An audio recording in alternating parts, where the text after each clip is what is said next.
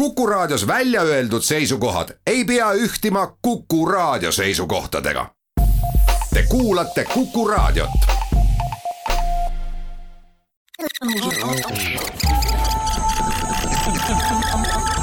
digitund, digitund. digitunni tulevikulahendused ja 5G toob sinuni Telia.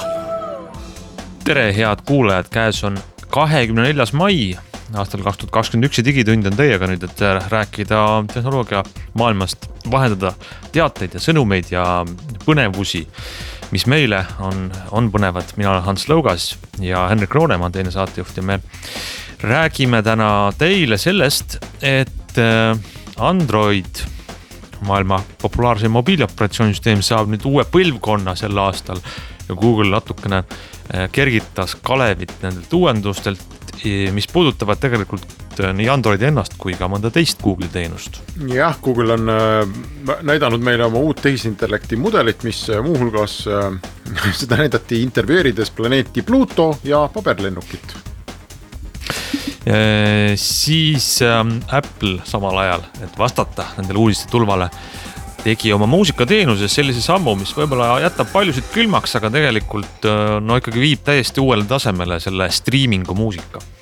Me räägime Eesti avaliku sektori veebilehtedest, loomulikult nii koroona testimise ja vaktsineerimise kui tegelikult ka muude teemadega seoses ja saate teises pooles on meil ka külaline, me räägime teli- ja turbevaldkonna juhiga Aigar Käisiga. sellest, kas krüptorahad on ikkagi anonüümsed, kas nende liikumist saab jälgida või jälitada ja kuidas ise enda krüptorahade liigutamine turvaliselt läbi viia digitund, digitund. nii, läheme siis Digitunniga edasi ja räägime sellest, et Google'i toimus suur virtuaalne konverents I.O. Google I.O on siis tegelikult olnud aastaid nende sihuke kõige põnevam üritus, kus nad toovad rahva ette, mida nad on aasta otsa siis uut välja mõelnud. uuendusi peamiselt siis Androidi, aga teistesse teenustesse ka ja selle aasta Google I.O tuli välja äh, siis äh, esimesed äh, silmaga tunnistatavad vaatepildid uuest Androidist, Android kaksteist on see, mis tuleb sel aastal välja. Ja mis seal uut on? jah, mis siis no. uut, ma tahtsin su käest küsida mis seal uut on, ma kohe sügan kukalt natukene. ilusamad ikoonid on, ümaramad nupud on ja värvid on uued. ütleme, peamine rõõmsam, uuendus on disain. rõõmsam ja värvilisem näeb välja, on ju, et et on noh näha, et on ikkagi värske värviga noh, alanud kevade puhul või algava suve puhul on värske värviga tõmmatud Android üle, aga, aga tegelikult ega muud väga suurt ja põhjalikku ei olegi, noh. Muidugi Android on nii valmis, et või üldse ütleme, mobiiltelefonid on nii valmis, et väga raske on ka ette kujutada, et, et noh, tulla nüüd mingi tohutu suure ahaa asjaga, et me oleme, oleme seda siin virisenud aastaid, et aga, aga midagi väga äh, noh, suurt oodata ei ole, minu meelest samamoodi nagu Apple niimoodi nad lubasid ka ise, et uue Androidiga kaasneb nüüd võimalus teatud autode teatud uksi avada või noh, kasutada telefoni autovõtmena. Ja nagu ikka BMW oli pundis nagu BMW alati sellisel puhul on nagu miskipärast BMW kohe platsis, Apple'iga nad olid ju ka. Ja ma ei tea, mis sellest saanud on, et kas kas on see kuidagi hirmus laialt levinud või ei ole, aga noh, ütleme, et tava äh, tänaval olevatesse autodesse see vist küll eriti veel jõudnud ei ole, isegi Apple'i puhul, et ma ei tea kedagi, kes teaks kedagi, kes avaks oma äh, autot. ma vist teadsin kedagi, ühesõnaga uhi uutel BMW-del peaks see lisavõimalus olema, et ja mida said Apple'i iPhone'iga seni teha, siis nüüd peaks saama ka uue Androidiga sedasama teha. ja muide autos on veel üks uuendus, jällegi hea mugav asi, äh, mida saad iPhone'iga praegu teha, et siis kasutada juhtmevabalt CarPlay'd. sama asi, Android auto tuleb siis ka juhtmevabalt ja, ja muide, mis on tegelikult ülimugav jah, et ma, kas juba Android auto ei ole praegu juba juhtmevaba või? no nad ütlevad, see on uuendus igatahes ah,. okei okay., ma miskipärast arvasin, et see on praegu ka olemas, aga, aga see tõesti on, on, no me siin rääkisime ka mingis saates, et see on ikkagi samm edasi mm, -hmm. ülimugav, paned auto käima ja sul on juba Waze ja Spotify ja kõik on nagu ees, et et mingit muret ei ole, aga. räägi sellest Bluetoost siis ja pigem jah, tea, selle Androidi kohta ma vist tahtsin veel öelda, et Android kaksteist ja nagu ikka tuleb see Nexuse telefonidele, noh, sellisel kujul on ju. või see. Pixeli. Pixeli, vabandust, Google'i enda telefonidele ja, ja no mis te, tegelikult tähendab, et ega lihtsu-, lihtsuralikeni see nagu eriti ei jõua. et ta käib lõpuks kõigi noh, Samsungite ja OnePluside pesumasinast läbi, igaüks paneb sinna oma kujunduse peale. mõni rohkem, mõni vähem Google'i moodi, aga see kõik võtab aega ja no ühesõnaga nii edasi, nii edasi, et äh, ei tasu nüüd väga lootma jääda.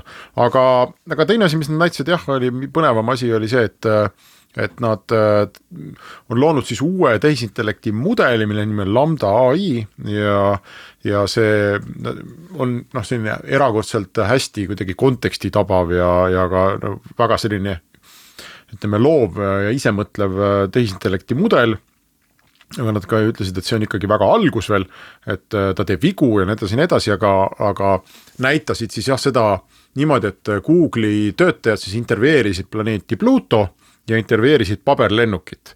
ja, ja noh, siis äh, ma ei saanudki aru, kui palju see oli nagu produtseeritud siis, et kas see tekst nii-öelda oli ka arvuti poolt juba tekstina kõneletud või, või oli see sinna hiljem noh, selline ilus mees, meeshääl lisatud, aga, aga noh, see oli, olid sellised kihvtid intervjuud, et Pluto käest küsiti, et kuidas noh, et kui ma sinna tulen, mis mul vaadata on ja no üldse, kuidas elu on, on ju, et ja paberlennuki käest küsiti ka, et, et kui kaugele sa lennata oskad ja kuidas teha, kuidas sind hästi teha või kuidas teha head paberlennukit ja mis ülevalt näha vist on või midagi sellist. et noh, selline small talk, ameerikalik small talk. aga selle mõte oli siis, et et, et tehisintellekt oskab inimesega usutavalt rääkida või?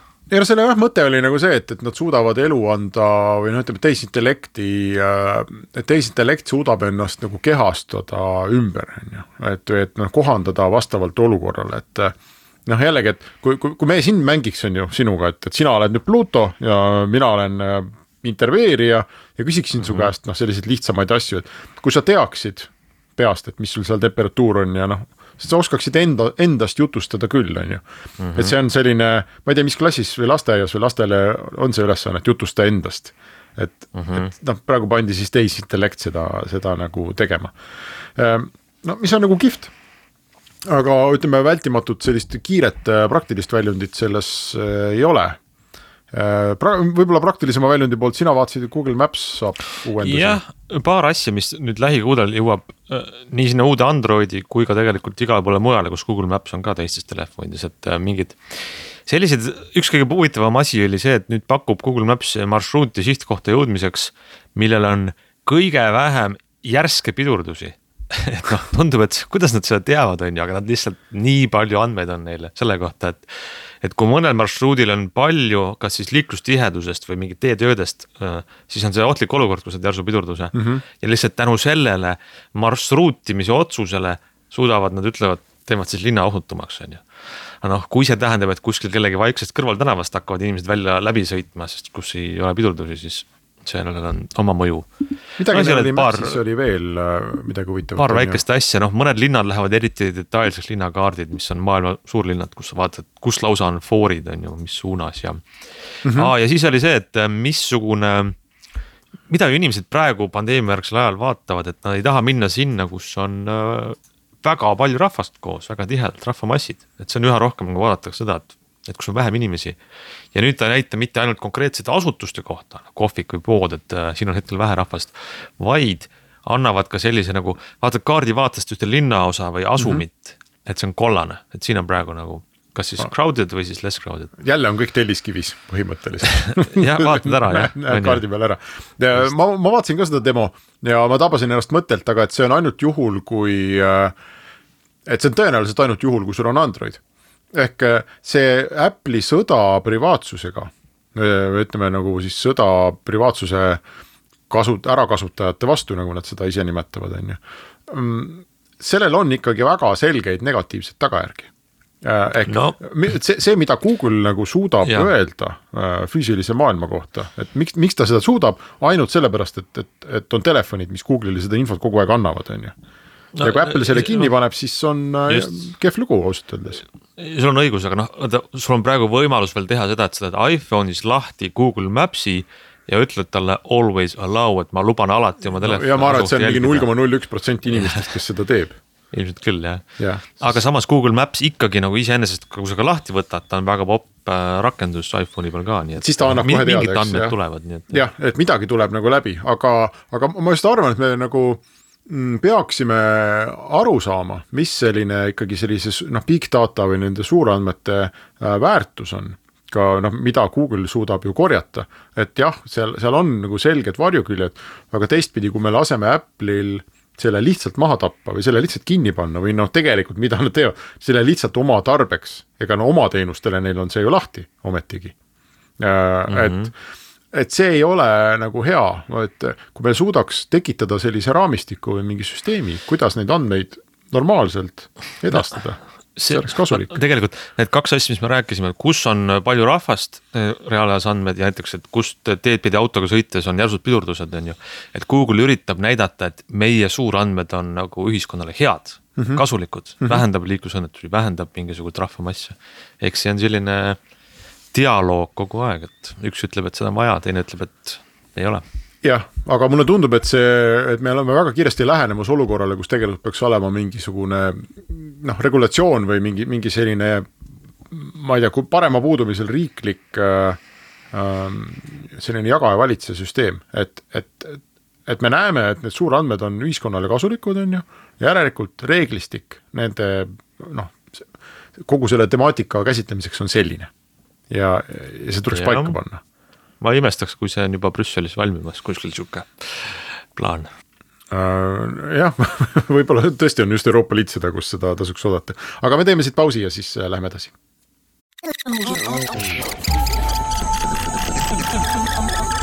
digitund,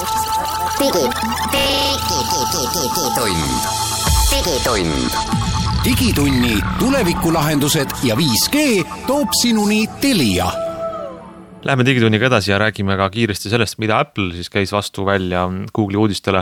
Apple Music äh, voogedastusteenus sai nüüd uuenduse ja uuendus seisneb selles, et kõik äh, tellijad ilma hinnatõusuta saavad siis kuulata muusikat ka tasemel, mis on kadudeta või pakkimata ehk siis kõige maksimaalselt kõige kõrgem digitaalse muusika kvaliteet seni on lossless. kõik need, just, et seni on kõik voogedastusteenused, saadavad üle interneti sulle kõrva äh, pakitud muusika, et noh, et tõeliselt siuksed fännid ikka tunnevad ära, et see ei ole päris. aga nüüd saab siis jah, kadudeta. jah, välja arvatud juhul, kui sa kasutad juhtmevabasid kõrvaklappe mm,. et äh, sul peavad olema juhtmega kõrvaklapid, aga need Apple'i enda, mis need, need suured kallid on, AirPods Max või? Max, jah. jah, millele saab ka juhtme külge panna, aga see ei ole see juhe, et, äh, et sellest ikkagi ei piisa et põhimõtteliselt Apple'il äh, ma ei teagi, kas on mingisuguseid tooteid, millega siis seda lossless äh, Apple Music ut tarbida. kõrvaklapp, võib-olla Beatsi, Beatsi mingisugused klapid on või? On, juhtmega tõenäoliselt on, aga, aga see on selline huvitav äh, temaatika, et äh, mm, ma arvan, et peaaegu kellelgi ei ole sellest eriti mingit kasu. Apple muide pakub seda lisatasuta. Et Just. selle eest juurde ei pea maksma ja ainuke, ma arvan, kes suudab seda täna kuidagi, kellel, kes suudab seda nagu inimestele kasulikuks teha, on Spotify. et probleem on nagu see, et kui sul on äh, audiofiilid, kellel on väga-väga-väga kallid seadmed, noh, tuhanded, kümned tuhanded, sajad tuhanded eurod, siis äh, nemad ei taha seda pakitud muusikat äh, kuulata mm,. ja ma, ma, ma usun ka, et seal äh, teeb äh, vahet äh, vähemasti kui sa oled väga keskendunud sellele ja tahad seda parimat taga ajada, siis sa teed vahet, kas ta on sul pakitud või mitte. kõik teised inimesed, kes kuulavad juhtmevabadest kõrvaklappidest autos, ma, ma ei tea, mis iganes, ükskõik praktiliselt mis muust seadmest, kolmsada kakskümmend kilobitti, mida või noh, ekvivalent siis, mida kõik muusikateenused pakuvad, see on küll ja veel. seal ei ole mingit vajadust nagu selle, selle järgi. aga, aga need muusikafännid tahavad kasutada tõenäoliselt Spotify Connect'i täna nad on sunnitud kasutama Tidalit ja Tidal on väga vähestesse nendesse seadmetesse sisse ehitatud. et tegelikult kõik tahavad kasutada Spotify'd ja lossless'ina ja seda teenust ei ole olemas. Spotify on lubanud selle käesoleval aastal välja tuua, nüüd Amazon ja Apple pakuvad seda tasuta aga need muusikafännid ei saa seda eriti lihtsasti oma kallisse süsteemi sisse, seda signaali mingil mõnusal moel. Sest Spotify on ainuke, kellel on infrastruktuur selle jaoks, teed Spotify äpi lahti ja ütled, et mängi sinna kõlarisse. see on väga laialt levinud, see on peaaegu standard nii et äh, Apple ja Amazon, ma arvan, võivad siin üles-alla hüpata, kui tahavad, aga tegelikult ootavad kõik, mida Spotify teeb. ja, ja Spotify, no näeme, et kas neil on julgust siis nüüd lisaraha, lisaraha selle eest küsida või nad on noh, sunnitud selle ka võib-olla tasuta välja tooma, mis oleks midagi eriti lahe siis Just. oleks midagi kasu ka kogu sellest värgist. aga ülejäänutel ma ei, ma arvan, et ei tasu eriti elevusse sattuda. vast ei ole kuulda midagi. kuule, aga räägime veel korra sellest, kuidas orienteeruda Eesti äh, e-riigis jaa, meil on mõned minutid aega jah, me siin äh, saabusime Eestisse tagasi, siis ma hakkasin otsima seda infot, et kus on siis kirjas see, et kuidas sellel eneseisolatsiooni perioodil käituda, üksteist, kaksteist istuda kodus, vältimatul vajadusel võib tööl käia, no me oleme lugenud meediast seda kõike, on ju. aga just no, see. kas sul ei olnud siis, kas üks artikkel kuskil ma ei tea, Delfis ei olnud see. no vot, siis sa hakkad uurima, et artikkel artikliks, aga need asjad ka muutuvad tihti, on ju, ja siis, äh, siis ma sain aru, et et mingil segasel kombel, mingil põhjusel on, on Eesti avalik sektor suutnud tekitada kohutava hulga veebilehti, kus on igaühel on, on kirjas, mulle tundub, mingil ajahetkel äh, kehtiv või kehtinud jupike sellest infost, mida mul vaja on. Nad mõnikord viitavad üksteisele, mõnikord need linkid on katki, mõnikord nad ütlevad, et mine Terviseameti lehele, aga linki ei ole ja, ja, ja siis Terviseameti leht ütleb, et mine Välisministeeriumi lehele ja linki ei ole või, või link on, aga link on sinna kohta, kus Välisministeerium ütleb, et mine Terviseametisse.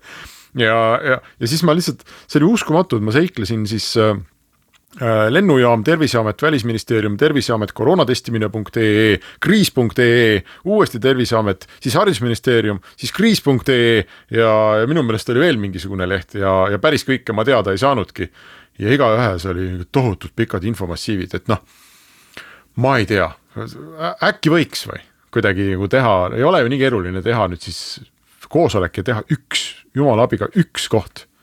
andke inimestele, tehke kontod välisministeeriumi inimestele sinna näiteks ja Terviseameti ja noh, ma ei saa enam, ma ei saa enam absoluutselt aru, mis, mis on kelle leht.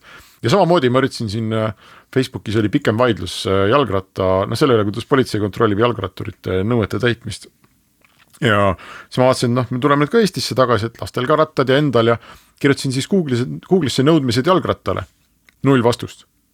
Ja siis noh, ei olegi sellist asja, politsei seisab tänaval ja ütleb, et nõudmised peavad olema täidetud. ja ma saan aru, et kuskil on liiklusseadus, kuhu ma võin seda minna lugema, aga see ei ole, see ei ole normaalne viis asju teha. ja, ja SEO-d ei ole ja politsei lehel, kuhu ma siis läksin, ei ole ka sellist infot. vähemasti mina ei suutnud nagu noh, esma, esmasel vaatlusel leida, kas ma läksin Facebooki ja siis keegi ütles mulle seal, et aga miks sa ei läinud liikluskasvatus.ee, kus on see asi olemas. no aitäh no, ja oh, väga lühidalt, mul, mul on kõik see, mis sa räägid, kuidagi resoneerub viimasel nädalal kõlanud korduvate juttudega, kuidas inimesed on käinud vaktsineerimas ja see kogemus on olnud imeline. ülihea logistika koha peal, aga mm -hmm. internetis selle registreerumisel noh, ei tööta kas on üks järjekord katki või midagi muud häda, et. et tundub, et selle e-riik on nagu ennast üle, üle ehitanud juba ja mulle tundub muide ka, et, et see asi on väga üle ehitatud ja, ja mulle tundub, et, et meile vaatab sealt e-riigist välja see bürokraatia äh, arhitektuur ehk et on, on amet või ametis on osakond või kuskil on mingid inimesed, on ju, ja neil on käes määrus ja see määrus ütleb, et just nemad peavad sinna kohta just selle info panema, sest see on nende töö ja nad ei ja saa ega ei tohi kõik. panna seda mujale ja on kõik. Ja siis igaüks teebki oma mingisuguse .ee ja võib-olla paneb sinna infot ja võib-olla viitab teisele jupile infost, aga võib-olla ei viita ka. ja see minu meelest see on täiesti sügavalt ebanormaalne olukord, aga me läheme siit pausile ja räägime palju normaalsemast asjast, milleks on krüptoraha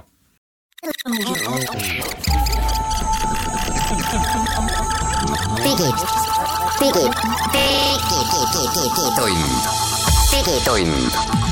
Digitunni tulevikulahendused ja 5G toob sinuni Telia. Digitund läheb edasi ja meiega on liitunud Telia turbe, turbevaldkonna juht Aigar Käis, tere Aigar! Tervist! Me katsume nüüd kolmekesi siin äh, vaadata krüptoraha maailma ja, ja me oleme ju viimastel kuudel pidanud seda teemat siin mitut puhku käsitlema ja, ja noh, põhjused on ilmselged, et iga nädal toob uusi väga lahedaid ja samas noh, kui sul on raha seal, siis võib-olla väga õudsaid uudiseid sellest, et mis, mis krüptomaailmas toimub päris palju tundub see olevat seotud Elon Musk'i käimiste ja arvamistega, et Bitcoin tõuseb, Bitcoin langeb. no aga samas seda on krüptoraha kogu aeg teinud aga me võtaks täna jutuks äh, krüptoraha turvalisuse ja anonüümsuse teema sest see on üks aspekt, aspekt, mida me ei ole digitunnis sellisena käsitlenud. ja, ma arvan, et on äh, inimeste seas selline ütleme meediast, meediast jäänud arusaam, et, et krüptoraha on anonüümne et kui minul on äh, Bitcoinid või mis iganes muud coin'id kuskil oma nimel, siis keegi, mitte keegi mitte kunagi mitte ühegi nipiga ei saa teada, et need on minu, ma võin nende eest osta šokolaadi või palgamõrvu või narkootikume või, või mida ma tahan, on ju. et see kõik on selline anonüümne värk ja, ja teisest küljest võiks siis rääkida ka sellest, et kuidas krüptoraha hoida niimoodi, et, äh, et see ka sul on, sest Ehm, paroolid kipuvad meelest minema, me teame minevikust krüptoraha neid pankasid või neid hoidmise kohti on häkitud ja nii edasi. nii et keskendume siis täna turvalisele ja anonüümsele krüptorahale. ma ei tea, kummast me alustame, alustame sellest turvalisusest, et kui mul neid veel ei ole.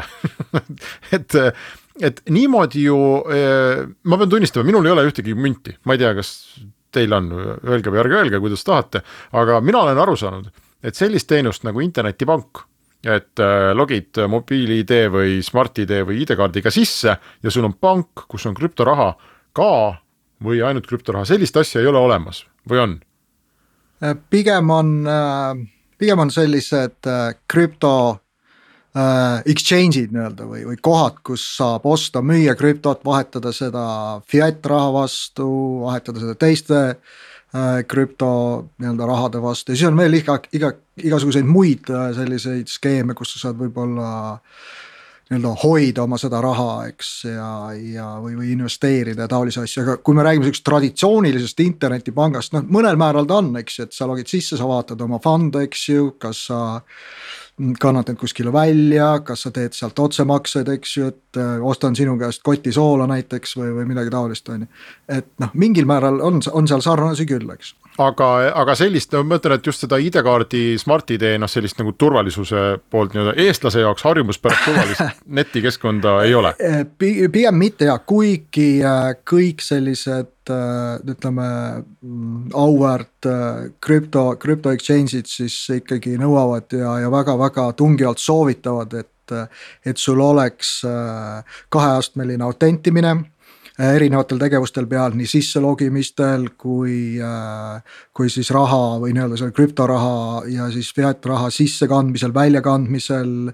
erinevad teated, kui see juhtub, eks, et, et tegelikult selle peale mõeldud, sest noh, krüpto, krüpto see turg nii-öelda on tegelikult päris palju kannatanud igasuguste andmelekete ja, ja nende rahakottide varguste ja taoliste asjade pärast, et noh et põhimõtteliselt, kui, kui krüpto sellel äh, nii-öelda exchange'il juhtuks taoline asi, see tähendaks põhimõtteliselt efektiivselt, et see võib oma pillid kotti panna, et kui, kui keegi veel mäletab, siis kunagi MT2 väidetavalt siis langes häkkimise ohvriks, kus siis äh, tassiti ära üks, üks väga suur äh, kogus Bitcoin'e.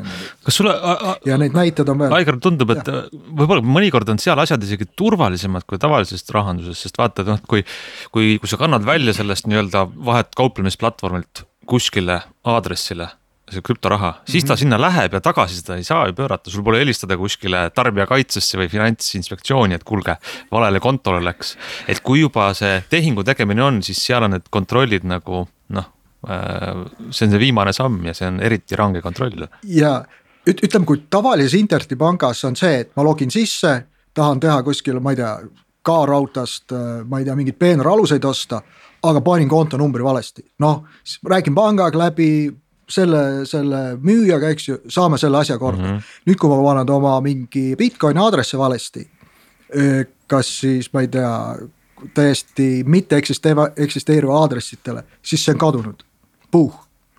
siia lõppu sul ei ole kuhugi minna, sa vaatad peeglisse, ütled nii Ko- järgmine kord siis ja täpselt kooliraha on ju. Äh, okei, kas äh, see, kuidas ma neid kontosid sinna teen, kas see on kuidagi minu nagu isikuga seotud, kas ma pean saatma sinna mingeid passikoopiaid või kuidagi verifitseerima ennast või see on ikkagi nagu ma ei tea, nagu Gmaili konto tegemine, et vali, vali hüüdnimi, vali parool ja anna minna? Äh, ütleme niimoodi, et tavaliselt on niimoodi, et sa saad konto teha nendesse krüpto exchange idesse või, või kuidas see eestipäraselt oleks öelda siis äh, vahetuspunktidesse või börsidele, eks. et äh, sa võid teha konto ja, ja hakata seal mingi, mingil tasemel kauplema, eks ju.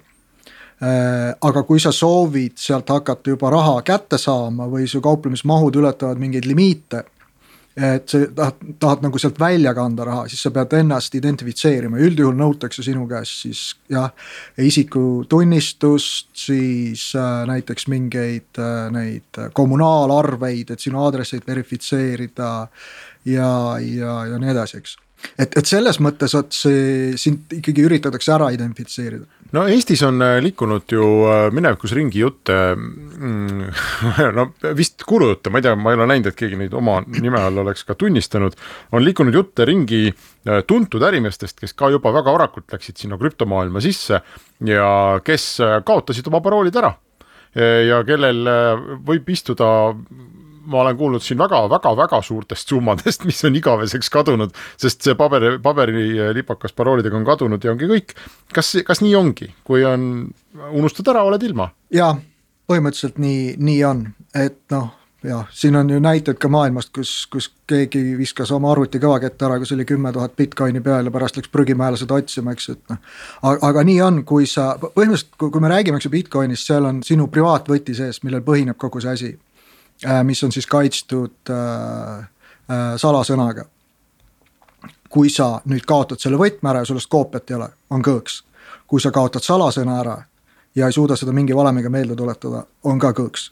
no lihtsalt ei ole enam ohoh, okei okay., üks asi on veel, me natuke, sa juba natuke nagu mainisid seda, et selle asemel, et Bitcoini hoida mingisuguses mis iganes, eks ole, .com teenuses. Mm, ma võin seda hoida mingis failis oma käes oma mälupulgal, oma kõvakettal, on ju, ma ei pea kasutama mingeid teenuseid selleks. Jah, täpselt nii, et, et tegelikult noh, kui me räägime, siis on, on olemas sihukest kolm, kolm sellist äh, varianti, kuidas üleüldse oma neid äh, coin'e hoida, eks ju, on siis hot wallet. see tähendab seda, et äh, see on sul selline online wallet, kus sa saad äh, saada makseid, eks, ja saad ka sealt teha kohe makseid. Äh, aga see on ka kõige riskantsem äh, nii-öelda variant, eks ju, kui su arvuti üle võetakse, võetakse parool ära, eks ju. mingid klounid on oma wallet eid commit inud Bitcoini või sinna sorry, GitHubi nõrkade paroolidega, noh, segaseid näiteid on maailmas, eks aga see on kõige sellisem kasutajasõbralikum, eks, kui sa, kui sul on vaja noh, kus, kui sa majandad Bitcoini maailmas, sul on vaja midagi kuhugi saata, osta, ostad mingeid asju, vahetad sõpradega ja nii edasi. et see on nagu väga mugav inimesele. teine variant on siis nii-öelda cold wallet'id. sinna alla liigituvad ka sellised asjad nagu äh, mm, hardware või, või riistvaralised rahakotid, eks äh, mis siis on, äh, kas siis on nii-öelda, sul on eraldi täitsa dedicated riistvara selle jaoks, näiteks Ledger Nano või Trezor, eks, mis on siuksed tuntumad. Või siis sul ongi eraldi selle jaoks täiesti tehtud äh, mingi, mingi masin, kus sul istub selline primaarne rahakott, kus sul on nii-öelda põhi, põhiraha. ja siis sa sealt äh, näiteks transferid selle USB pulgaga äh, oma, oma sellesse kuuma rahakotti nii-öelda või hot wallet'isse mingeid, mingeid selliseid väiksemaid summasid, millega sa iga päev majandad, on ju. Aga et seda... kes on lugenud neid äh,, mäletab neid Migiire koomikseid, seal oli onu Robertil oli see suur maja, mis oli kuldmünte põhimõtteliselt noh, otsast otsani täis ja ta sukeldus sinna sisse, et see on siis see nagu cold wallet, et see on üks selline väga turvaline hunnik kulda. ja siis, kui sa linna peale lähed jäätist ostma, siis sa paned sealt mõned mündid rahakotti no põhimõtteliselt küll jah, aga samamoodi seda, seda külma rahakotti tuleb ka hoida, et see salasõnad ja asjad ja kõik. ja siis tegelikult on veel selline kolmas fenomen või, või variant on ka nii-öelda paper wallet'id. kus siis ongi äh, sinu private key põhimõtteliselt on välja prinditud.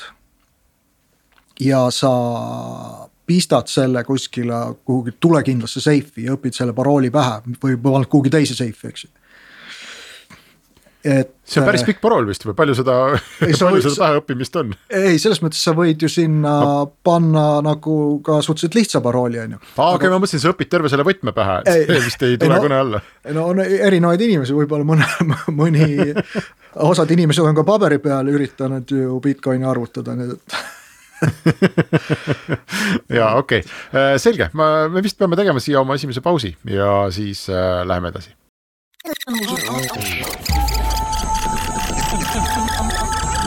digitund, digitund. digitunni tulevikulahendused ja 5G toob sinuni Telia digitund läheb edasi, meil on külas äh, Aigar Käis, kes on Telia Eesti turbevaldkonna juht ja me teeme, mulle tundub äh, väga sellist puust ja punast äh, sissejuhatavat kursust krüptomaailma. saime teada, kuidas neid hoida Läheks nüüd selle teise juurde, kui siin vist oli eelmisel, üle-eelmisel nädalal see suur USA naftajuhtme vastane rünnak, mida me ka Digitunnis kajastasime, siis aita, Hans, mis selle grupeeringu nimi oli, Dark? Dark Side, jah. Dark Side, jah.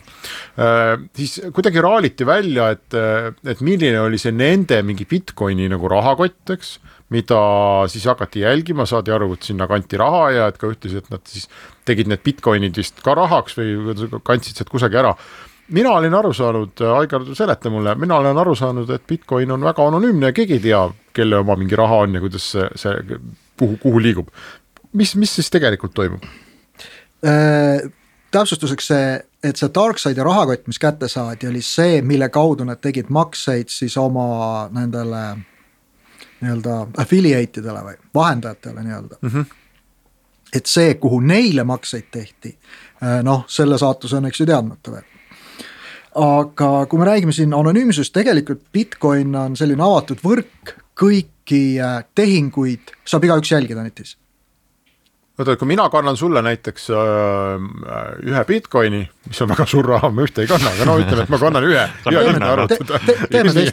sul on hea päev, ma kannan sulle ühe Bitcoini, kas äh, siis Hans näeb seda kuidagi, et mina kandsin sulle ja, ühe Bitcoini? see transaction läheb siis avalikku nii-öelda raamatusse, kus kõik mm -hmm. saavad vaadata, et äh, mis aadressid see kanti, kuhu kanti, palju kanti. ja, ja ka need äh, nii-öelda Bitcoini võrgu kinnitused on siis seal näha no ilmselt on eriti hea veel on, kui ma tean konteksti, näiteks, et noh, sama näidet jätkates, et Henrik tegi selle kande sellel kuupäeval, ma ei tea, mingisugune ütleme kaheksateist mai selles ajatsoonis, sellel kellaajal ja see summa ei olnud täpselt üks, vaid näiteks ma ei tea, null koma neli viis kuus siis mul on sellest äh, tohutust ülekannete võrgustikust ju eriti hea otsida. ja kas on nii, on ju, et ma näen ju siis tegelikult seda, kust see ülekanne tuli ja ma näen, palju Henriku rahakoti raha alles jäi. ja mis ta on oma rahaga veel varem teinud. selles mõttes, et äh, ütleme, kui sa lood Bitcoini rahakotti, siis ta on ikkagi vaikimisi tühi, eks ju. sa pead sinna kuidagi raha peale saama, seda Bitcoini. ja, ja selleks sa pead ülekande tegema kuskilt äh, teisest rahakotist. Ja, ja see, see jääb samamoodi maha nüüd sellesse avalikku äh,, avalikku nii-öelda ledger'isse siis ja aga seda sa ei tea, kas see oli Henrik, kas see olin mina, kas see oli, ma ei tea, keegi kuskilt Hiinast, on ju. aga kui me nüüd räägime sellest nagu privaatsust täpsemalt, siis noh, ütleme Bitcoin ei olnud, ei ole mõeldud selles mõttes Äh, selles osas privaatseks, et ülekanded ja, ja need saajad ja vastuvõtjad oleks kuidagi väga obfuskeeritud, on ju. aga kuidas siis saab teada, on üks see, kui üks variant, kui inimene siis identifitsee-, identifitseerib ennast ära krüpto kuskil äh, börsil, on ju. ja, ja saab sealtkaudu, teine variant on, kui sa kasutad sama rahakotti näiteks oma käsilastele maksmiseks, siis see tuleb kuskilt välja, et äh, kui näiteks ametivõimud saavad kätte ühe sellise tegelase, kes sai makseid, saavad teada selle rahakoti aadressi, siis nad saavad äh, välja võtta, eks ju, kogu selle tegevuste ajaloo sellelt äh, saatjalt. ja, ja siis on võimalik juba hakata nii-öelda ringi koomale tõmbama. ja nii et põhimõtteliselt, mida sa ütled, on see, et äh, et need rahakotid on avalikud, aga need on lihtsalt sellised nagu pseudonüümid, et me ei tea, milline e, isik, me vältimatult ei tea, eks, et milline ja. isik on, on ühe või teise nagu rahakoti taga. täpselt, täpselt aga et palju sa, Aigar, oled kokku puutunud ka igasugu teistega, et kui me räägime, noh, Bitcoin on kõige kuulsam ja, ja nii-öelda etalon on ju, aga nüüd hiljem ja eriti, kui me räägime võib-olla sellest kuritegevusest ja turvaprobleemist, siis kasutatakse eh, selliste maksete tegemiseks eh, muid valuutasid, kus see ülekandesumma ja saaja ja adressaat ei ole alati nähtavad, on ju, nagu Monero. oled sa nendega kokku puutunud? ja on, on täiesti alternatiivseid variante, ongi privacy enabled coins, eks ju, näiteks nagu Monero, Dash eh, ja veel mõned. aga näiteks Lõuna-Koreas on need keelatud, osades riikides veel, ütleme paljudes riikides on sellised privacy põhised krüptovaluutad tegelikult keelatud. kes siis äh, hägustavad ära või, või segavad ära siis kes kellel saatis, palju saatis, et, et isegi kui sul noh kui, kui sa näed seda, seda ülekannet või seda tehingut seal avalikus võrgustikus, siis noh, seda ei ole võimalik kuidagi kokku viida, sul ei ole võimalik agregeerida, et nüüd see rahakott oli konkreetselt nüüd selle kümne, ma ei tea, mingi, mingi väti kasutuses on ju.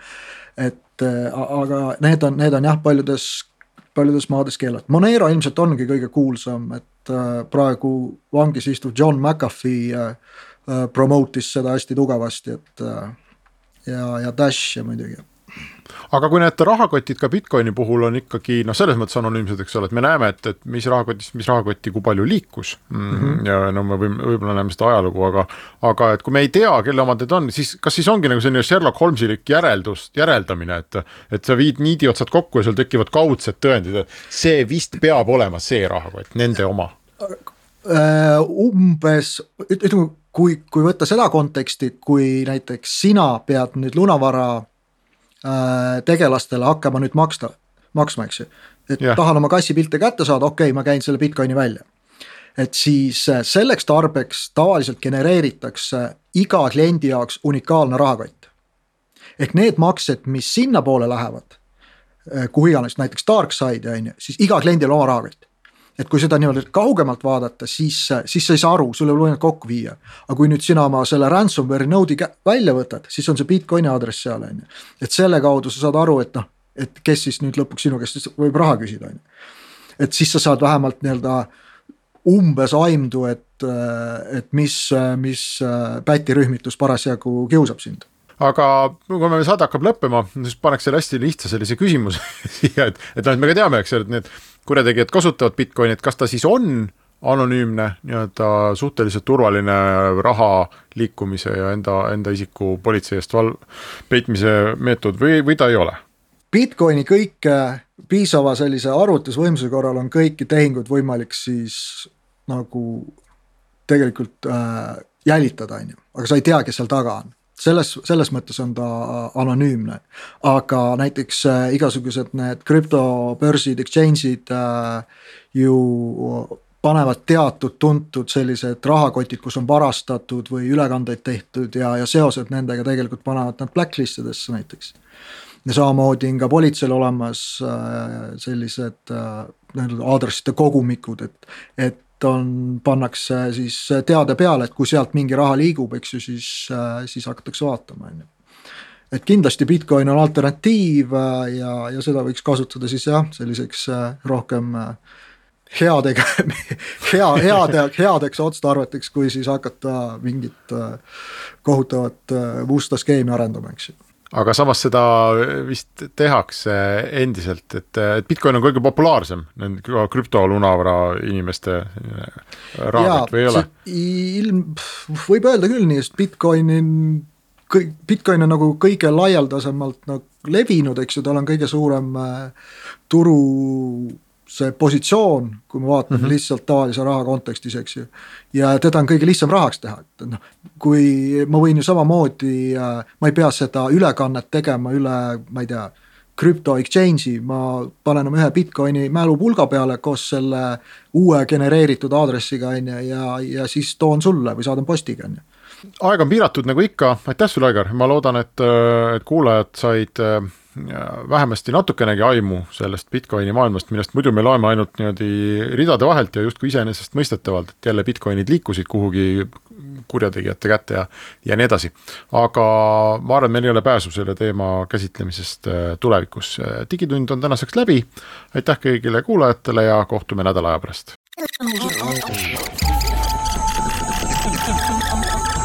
digi, digi, digi, digitund, digitund.